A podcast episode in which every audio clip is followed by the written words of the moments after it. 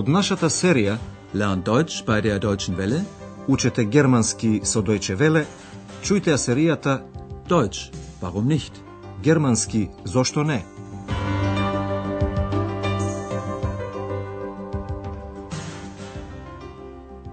Liebe Hörerinnen und Hörer. Драги слушателки и слушатели, денес ќе ја слушнате 17-тата лекција од четвртата серија. Во минатата емисија Андреас и доктор Тюрман зборуваа за проблемите на заштитата на животната средина во Источна Германија. Слушнете уште еднаш дел од разговорот. Hier riecht es ja überall nach Industrieabgasen, nach Schwefel. Hier im Osten gibt es wirklich starke Umweltprobleme. Da muss noch viel getan werden. Меѓутоа, денес нема да зборуваме за тоа. Во денешната емисија со наслов Прошетка низ Лајпциг, Ein Spaziergang durch Leipzig, доктор Тюрман на Андреас и Екс им го покаже својот роден град Лајпциг. Андреас прво сака да ја види црквата Николај Кјрхе. Уште од 1981 година, значи уште во времето на Германската демократска република, луѓето се собирале во неа за да се молат за мир. Овие молитви станаа познати под името молитви за мир, Friedensgebete. Во 1989 година овие средби добија политички карактер. Gibt es die Friedensgebete eigentlich noch? Kannst du nicht lesen? Da steht es doch. Jeden Montag, 17 Uhr, Friedensgebet. Ja, diese Tradition gibt es immer noch, obwohl zurzeit weniger Menschen kommen. Und diese Tradition gibt es nicht erst seit 1989, es gibt sie schon viel länger. Die Menschen haben sich ja auch schon zu DDR-Zeiten hier getroffen. Ja, seit 1981. Sie trafen sich, um zu beten und zu diskutieren.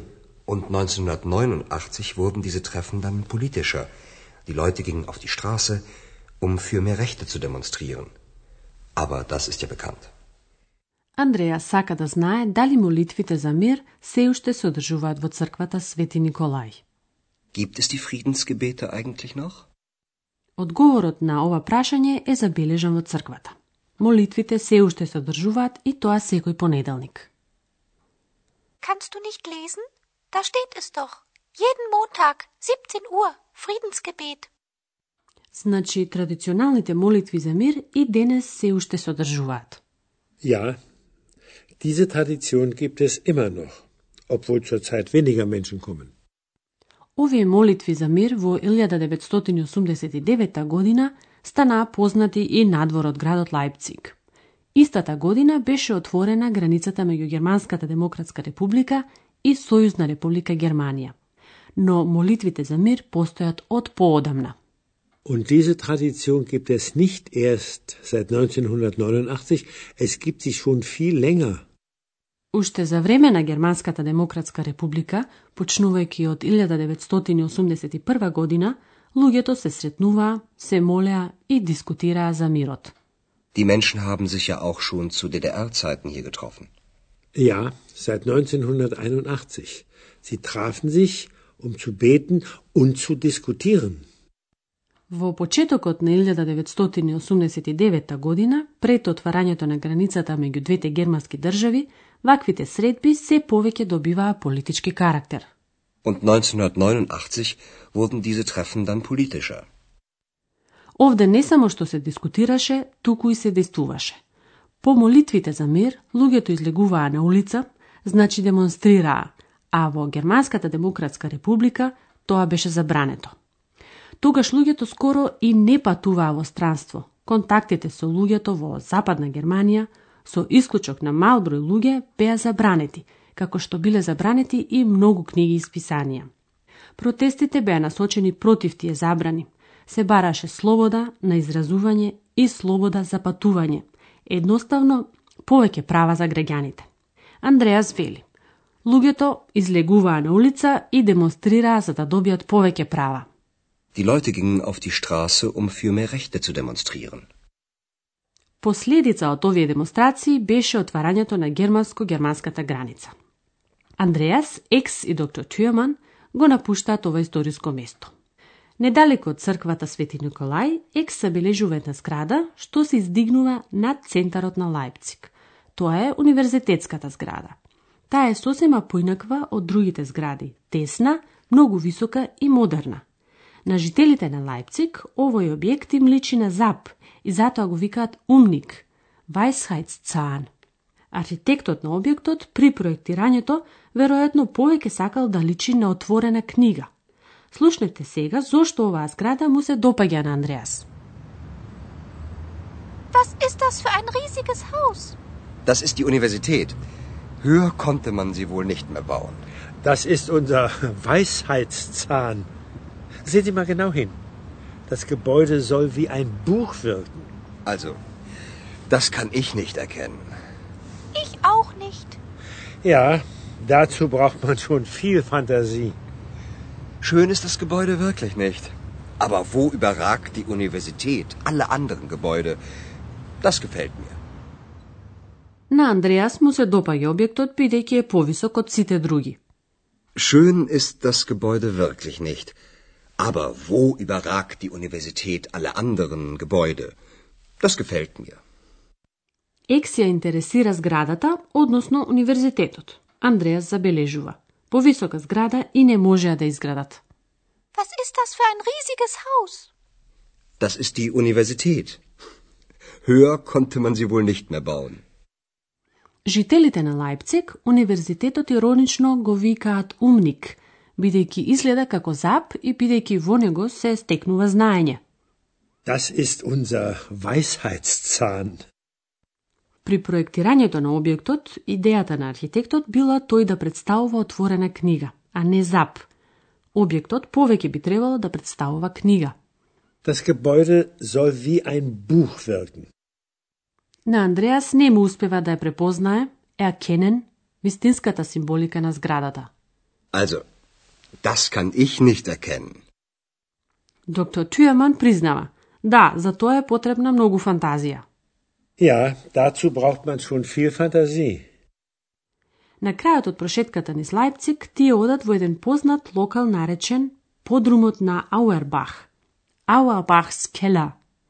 Таму многу често навраќал Гете, додека во периодот од 1765 до 1768 година студирал во Лајпциг.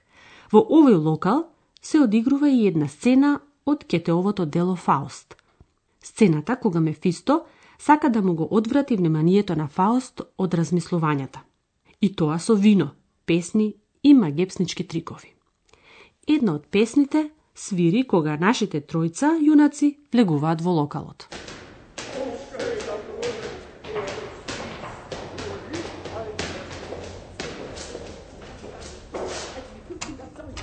Uns ist ganz kannibalisch wohl, uns ist ganz kannibalisch wohl, uns ist ganz kannibalisch wohl, als wie 500 Säulen. Oh nein, muss das sein? Können die nicht leiser singen? Задоволството од пењето, побудено од неколку чаши вино, го нервира доктор Чујаман. Oh nein, muss das sein? Können die nicht leiser singen? Но бидејќи тој не знае магепснички трикови како Мефисто, веројатно ќе треба да ги поднесе. А ние сега ќе ви го објасниме компаративот на придавките.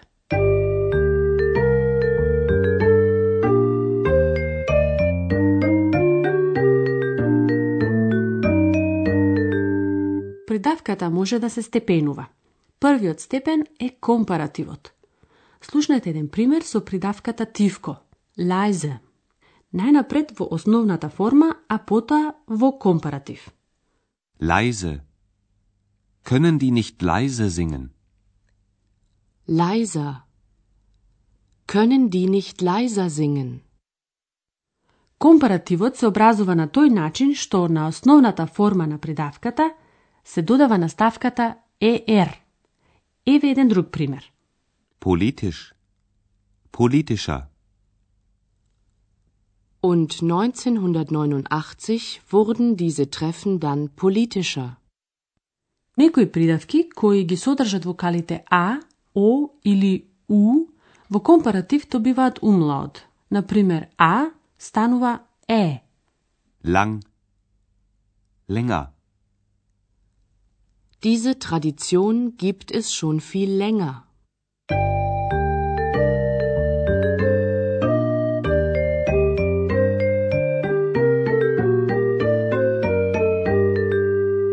Крајот слушнете ги уште еднаш разговорите. Седнете удобно и слушајте внимателно.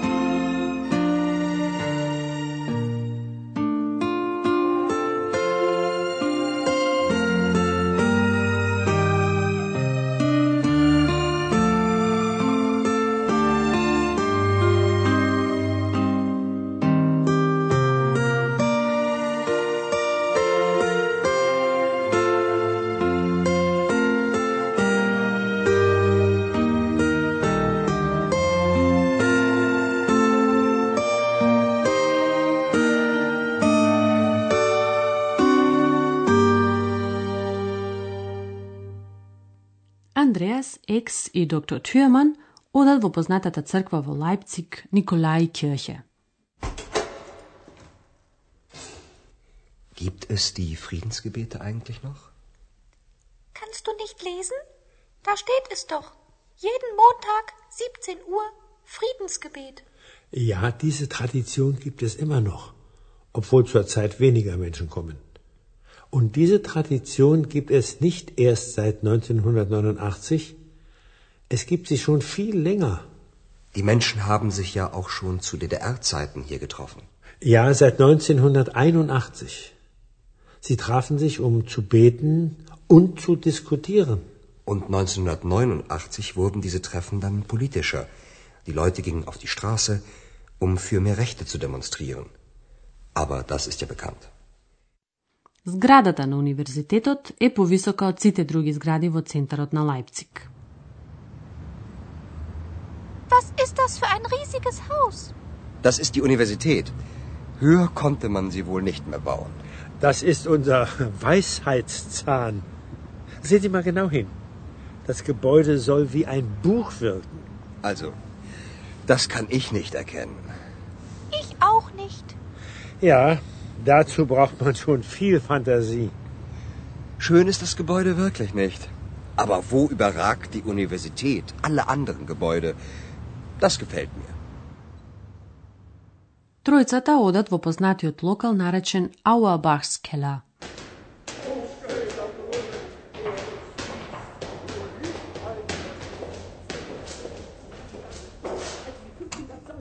Uns ist ganz kannibalisch wohl, uns ist ganz kannibalisch wohl, uns ist ganz kannibalisch wohl, als wie 500 Säulen. Oh nein, muss das sein? Können die nicht leiser singen? Тоа беше се за денеска.